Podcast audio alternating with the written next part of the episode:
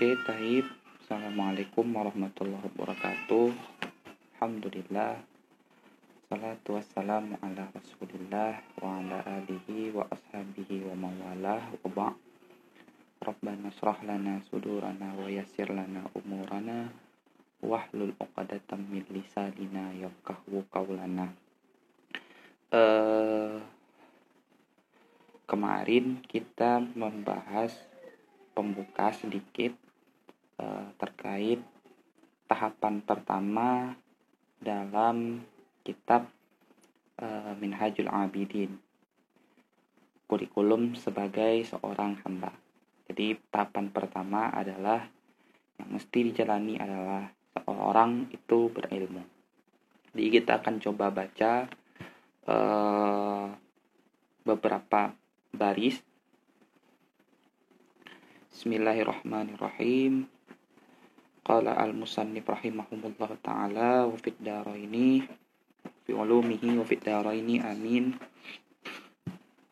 Fa aqulu Wabillahi taufik. Maka aku berkata, kata Al-Ghazali, dengan Allah lah taufik itu. Ya talabal khalas, wahai orang yang mencari keikhlasan wal ibadah dan keibadah. Alaika awalan bagimu pertama kali adalah wafaqallahu bi'ilmi. Uh, mencari uh, mau apa menundukkan pemahaman tentang Allah itu dengan ilmu. Fa innal qutbi ka innahul qutbi maka bahwasanya ilmu itu adalah uh, sumbu wa alaihi al-madar dan di atasnya ilmu itulah keseluruhan pekerjaan itu berputar. Jadi segala sesuatu itu uh, adalah untuk mencapai kepada Allah Subhanahu wa taala, untuk mencapai uh, keikhlasan dan kenikmatan ibadah kepada Allah Subhanahu wa taala, maka kita mesti memiliki ilmu karena ilmu itu merupakan poros dan di poros itulah seluruhnya beredar, seluruhnya beredar seperti tata surya begitu. E, matahari sebagai sumbu dan seluruh planet itu mengelilinginya. Nah, ibarat ilmu itu adalah matahari. Kemudian wa'lam ketahuilah olehmu annal ilma wal ibadah jauharani. Jadi ilmu dan ibadah itu seumpama dua uh, permata li ajlahuma li, li ajlihima karena keduanya menjadikan apa anzalal kutub diturunkannya beberapa kitab jadi yang kita ketahui kan kitab itu ada empat ada Taurah ada Zabur ada Injil dan Al-Quran. Jadi kalau tidak ada ilmu dan ibadah, perintah ilmu dan ibadah, itu tidak Allah ciptakan ilmu dan ibadah, itu tidak akan diturunkan petunjuk kepada kita. Gitu. Kenapa? Kita kan sebagai manusia merupakan homo religius, manusia yang homo spiritual, makhluk yang memiliki uh, perasaan memiliki spiritual membutuhkan apa petunjuk langsung dari sumber spiritual itu. Nah, kalau tidak ada ilmu dan ibadah, kitab itu tidak akan diturunkan. Wa arsalar rusul, wa arsalat rusul dan juga diutus kepada kita ada rasul-rasul untuk menyampaikan berita-berita tentang ketuhanan. Bali ajallahuma li ajallihima tetapi bahkan karena keduanya itu dijadikanlah kulikat samawati wal ardi ciptakanlah sangit dan bumi wa mafihinna dan sesuatu di antara keduanya dan isinya ya min khalqi Nah, dari apa? Dari berbagai makhluk. Watak mil ini maka eh, terkandung makna itu tertakwil ya makna uh, jauharan tadi ilmu dan ibadah fi kitabillahil azza wajal di dalam kitab Allah Subhanahu wa taala ihdahuma qauluhu jalla dzakarahu. Jadi uh, salah satu yang pertama adalah uh, ilmu Allah katakan dalam Al-Qur'an Allahul ladzi khalaqa sab'a samawatin wa minal ardi mislahunna yatanazzalul amru bainahunna lita'lamu annallaha ala kulli syai'in qadir wa annallaha qad ahata bi kulli syai'in ilma. Jadi dalam ayat ini Allah jelaskan bahwa Allah menciptakan tujuh langit, Allah menciptakan tujuh bumi, ya. Kemudian Allah tujuh lapis bumi ya. Kemudian Allah apa e, jadikan apa-apa antara keduanya gitu. Itu adalah sebagai bukti kekuasaan Allah dan yang mengetahuinya lah orang-orang yang mengetahui itu. Nah, wakafa bihazil ayah ya. Dan cukuplah dengan ini ayat dalilan sebagai dalil ala syarafal al di atas kemuliaan ilmu lasima ilmu tauhid terlebih ilmu tauhid. Jadi uh, ketauhid dan pemahaman bahwa ke Allah itu esa keesaan Allah itu lebih diutamakan. Jadi uh, kita mesti memahami uh, ketunggalan Allah, la ilaha illallah, tiada Tuhan selain Allah dengan bentuk khalas, uh, bentuk keikhlasan bahwa tiada uh, apa tujuan mensunyikan tujuan kecuali uh, apa kecuali uh, kepada Tuhan. Kemudian uh, wal ayah asaniyah dan ayat yang kedua apa? Qauluhu jalla. Kata Allah Subhanahu wa taala min qail dari perkataannya apa? Wa ma khalaqtul jinna wal ins illa liya'budun. Allah tidak menciptakan jin dan manusia kecuali untuk menyembahnya. Jadi Allah itu yang pertama ilmu, yang kedua untuk setelah kita memahami ilmu, yang kedua adalah termanifestasi dalam bentuk ibadah. Sehingga sebagai manusia kita memahami tujuan awal kita ialah diciptakan oleh Tuhan adalah wa ma khalaqtul jinna wal ins illa liya'budun. Kita diciptakan oleh Tuhan sebagai bentuk apa e, bentuk tujuan penciptaan kita adalah untuk beribadah kepadanya. Begitu. Jadi sehingga apa? Kalau kita tahu ini, maka kita ketika bangun tidur, kemudian bahkan tidur lagi merasakan bahwa kita itu beribadah. Tidak e, lepas pekerjaan kita itu dari yang namanya ibadah. Gitu. Ketika memang kita sudah menghalas, sudah e, paham akan ketauhidan itu sehingga tercerminlah al-khalas itu. Keikhlasan itu dalam diri kemudian termanifestasi dalam bentuk penghambaan kepada Allah selalu. Antak budallah ka'annaka tarahu fa innahum fa illam takun tarahu fa innahu yaraka. Berbentuklah kepada amal ihsan. Jadi kita berbuat baik seakan-akan kita selalu diawasi oleh Allah. Karena kita diawasi oleh Allah maka pekerjaan-pekerjaan yang kita lakukan itu adalah pekerjaan-pekerjaan baik gitu.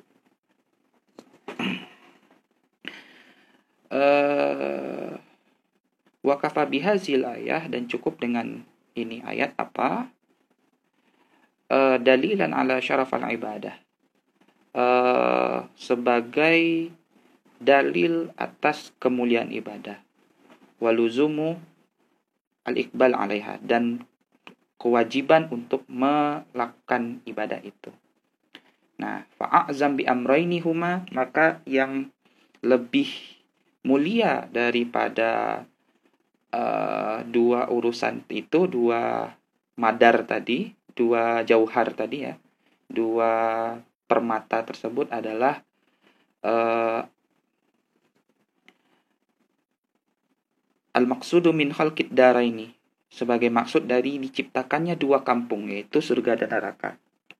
Fahaqqalil ibadah maka uh, apa kebenaranlah bagi seorang hamba Allah yastaghilla bahwa dia tidak menyibukkan diri illa bihima kecuali dengan ilmu dan ibadah. Jadi seorang hamba semestinya dia menyibukkan dirinya dengan ilmu dan ibadah.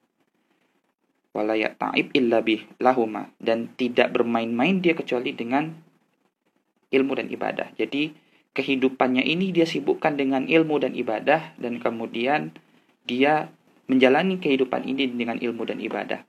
Bukan berarti kita itu sebagai manusia harus selalu apa namanya uh, belajar gitu membaca buku segala macam belajar di sekolah ngaji di surau begitu dan kemudian sholat apa sholat terus puasa terus dan segala macam. Tidak maksud di sini adalah il dalam dunia ini kehidupan di dunia ini adalah al ilm kalau kita uh, mengetahui. Makanya tadi pada konteksnya adalah seseorang itu uh, mesti paham ilmu tauhid. Karena dengan ketauhidan seseorang menemukan keikhlasan dan dia bisa belajar dengan uh, segala fenomena yang ada di dunia ini. Kemudian karena dia belajar dengan segala yang ada di fenomena di dunia ini, kemudian dia akan berlaku baik, berlaku ihsan, berlaku salih dan itu adalah nilai dari ibadah. Nah, bukan berarti seseorang itu mesti ke surau, seseorang itu mesti ke masjid begitu, seseorang itu rajin sholat, puasa, belajar, mencari pengajian, dan segala macam. Nah, tetapi dalam kehidupan sosialnya, seseorang itu tetap uh, apa uh, bernilai ibadah dan tetap bernilai ilmu. Ketika al-khalas wal ibadah itu dia pahami dengan uh, apa dengan memiliki ilmunya, dengan memahami tauhid gitu. Nah, azamul ilmi apa uh, syarafal ilmi la siyama ilmu tauhid. Jadi kemuliaan ilmu adalah uh, ilmu itu mulia terlebih ilmu tauhid kan begitu. Tadi makanya kita dituntut untuk bertauhid. Wala yanzur illa fihima dan tidak berpendapat atau tidak memandang illa fihima kecuali bahwa yang kita pandang itu karena ilmu dan ibadah. Jadi kehidupan di dunia ini berjalan karena ilmu dan ibadah. Nah, wa'lam annama sawahuma ketahuilah bahwa sesuatu di antara keduanya minal omori di antara keduanya itu jadi kalau di dunia ini hidup tidak kita cari antar keduanya itu apa? E, sesuatu kebatilan. Jadi ketika kita tidak mencari ilmu di dunia ini kemudian kita tidak e, beribadah di dunia ini artinya kita menyibukkan diri bukan karena Allah kemudian kita bermain bermain-main di dunia ini menikmati kehidupan dunia ini bukan karena ilmu dan ibadah juga kemudian kita memandang fenomena yang ada di dunia dan ini uh, tidak dengan ilmu dan uh, ibadah juga itu adalah sebuah pekerjaan yang batil. Sehingga apa? La khaira fihi. Tidak ada kebaikan. Jadi uh, apa? Ketika seseorang itu tidak berilmu ya tidak melakukan ibadah dan melakukan pekerjaan selain dari kedua ini, maka dalam kehidupan dunianya itu yang dia lakukan hanya perbuatan uh, buruk, la khaira fihi. Jadi tidak ada uh, kebaikan di sana. Lughulan hasilan lahu dan perbuatan yang dia hasilkan adalah perbuatan yang sia-sia. Nah, ini yang kita hindari. Sehingga uh, tujuan kita hidup di dunia ini jelas untuk ibadah sehingga untuk mencapai e, kebermaknaan hidup karena kita adalah liya'budun kepada Allah maka kita perlu yang namanya ilmu. Dan yang paling utama yang mesti kita pahami adalah ilmu tauhid keesaan Allah. Sehingga kita apa? La ilaha illallah. Tiada tujuan yang ada di dunia ini kecuali Allah. Sehingga apa? E, terhalas ter, terbentuk sebuah kesunyian tujuan, yaitu tujuan kita hanya kepada Allah. Inilah bentuk keikhlasan. Jadi kita beribadah hanya untuk Allah. Inna salati wa nusuki wa mahyaya wa mati lillahi rabbil alamin. Sesungguhnya salatku, perjuanganku, hidup dan matiku hanya untuk Allah Subhanahu wa taala. Nah, untuk mencapai pemahaman ini itu dibutuhkan ilmu. Kemudian termanifestasi kepada ibadah. Begitu kata Imam Al-Ghazali dalam kitab Minhajul Abidin. Kemudian Faiza alimta apabila engkau ketahui ala akan yang demikian itu bahwa apa? Bahwa perbuatan itu uh, yang kita dalam hidup di dunia ini perbuatan itu hanya perbuatan uh, mencari ilmu dan hanya beribadah. Maka apa? Uh, fa'lam maka ketahui annal ilma bahwa sesungguhnya ilmu merupakan semulia-mulia dari dua permata. Ashrafal jauharain. Jadi ilmu yang lebih didahulukan daripada ibadah. Wa afdalahuma dan seafdol atau sebaik-baik dari keduanya. Walizalika qalan Nabi sallallahu alaihi wasallam sebagaimana berkata Nabi sallallahu alaihi wasallam apa kata beliau inna fadlal alimi alal abidi kafadli alayya ala adna rajulin sesungguhnya uh, kemuliaan orang yang berilmu atas orang yang beribadah saja apa? Orang yang berilmu orang yang beribadah karena ilmu dan atas orang yang hanya beribadah saja tanpa ilmu apa? Kafadli seperti kemuliaanku ala adna rajulin di atas uh, apa? Lak uh, seorang yang uh, rendah min ummati. Jadi seseorang yang rendah kemuliaannya di umatku gitu. Wa qala sallallahu alaihi wasallam uh, atau atau dari hadis tadi perbandingannya bahwa uh, kemuliaan nabi itu lebih uh, tinggi daripada kemuliaan saya. Saya kan adna rojulin min ummati beliau gitu. Saya adalah laki-laki yang terbawah begitu dari umat nabi maka perbandingannya itu seperti saya dan Nabi. Nabi itu sangat mulia begitu, sedangkan saya tidak begitu. Nah, sedangkan orang yang per, itu begitulah perbandingan orang yang berilmu dan orang yang beribadah. Kemudian waqala sallallahu alaihi wasallam juga apa nazratun ilal alimi ahabbu ilayya min ibadati sanah siyamaha wa qiyamaha. Jadi pandangan Allah kepada orang yang berilmu itu apa pandangan Nabi kepada orang yang berilmu itu adalah lebih Nabi sukai daripada orang yang beribadah setahun dengan puasa dan sholat malamnya. Nah itu. Jadi Nabi lebih menyukai orang-orang yang mencari ilmu, orang-orang yang memahami keilmuan dalam dunia ini. Waqala sallallahu alaihi wasallam dan juga Rasulullah sallallahu alaihi wasallam juga katakan ala adullukum ala ashrafi ahlil jannah qalu bala ya Rasulullah qala hum ulama'u ummati Adakah engkau tidak tahu uh, dal apakah akan apakah kamu mau aku tunjukkan atas seorang yang uh, mulia dari ahli jannah? Kata Nabi. Kemudian kata apa kata uh, semulia-mulia ahli jannah kata Nabi. Kemudian berkata sahabat baik ya Rasulullah sampaikanlah apa siapa yang lebih mulia dari ahli jannah. Orang yang akan menemukan kebahagiaan itu. Maka Rasulullah mengatakan mereka adalah al ulama umin ummati. Orang-orang yang pak orang-orang yang memiliki ilmu dari umatku. Fabana laka anal ilma ashrafa jauharan min ibadah walakin la budda lil abid minal ibadah ma'al ilmi wa illa kana ilmuhu hubaun munsur uh, mansu mansurun mansuran fa innal ilmi bimanzilah asyajarah wal ibadah manzilah samarah min thamaratiha fasyarafa lil sajarah iza hiya asl lakina illa uh, oke okay. jadi begitu penjelasannya maka jelaslah ibaratnya itu bahwa pohon itu apa bahwa ilmu itu sebagai pohon kemudian uh, ibadah itu adalah buahnya. Jadi ketika kita ingin men, memben, apa, membuat ibadah itu apakah kita ingin apa maka perjuangan yang kita lakukan pertama kali itu adalah berilmu menumbuhkan pohon. Kemudian dari pohon itu barulah muncul buah. Begitulah kemuliaan ilmu. Uh, mungkin uh, sekian uh, lain kesempatan kita lanjut mudah-mudahan uh, Allah memberikan kita kelapangan uh, keluasan ilmu kemudian kita mencapai yang namanya jannah puncak dari kebahagiaan.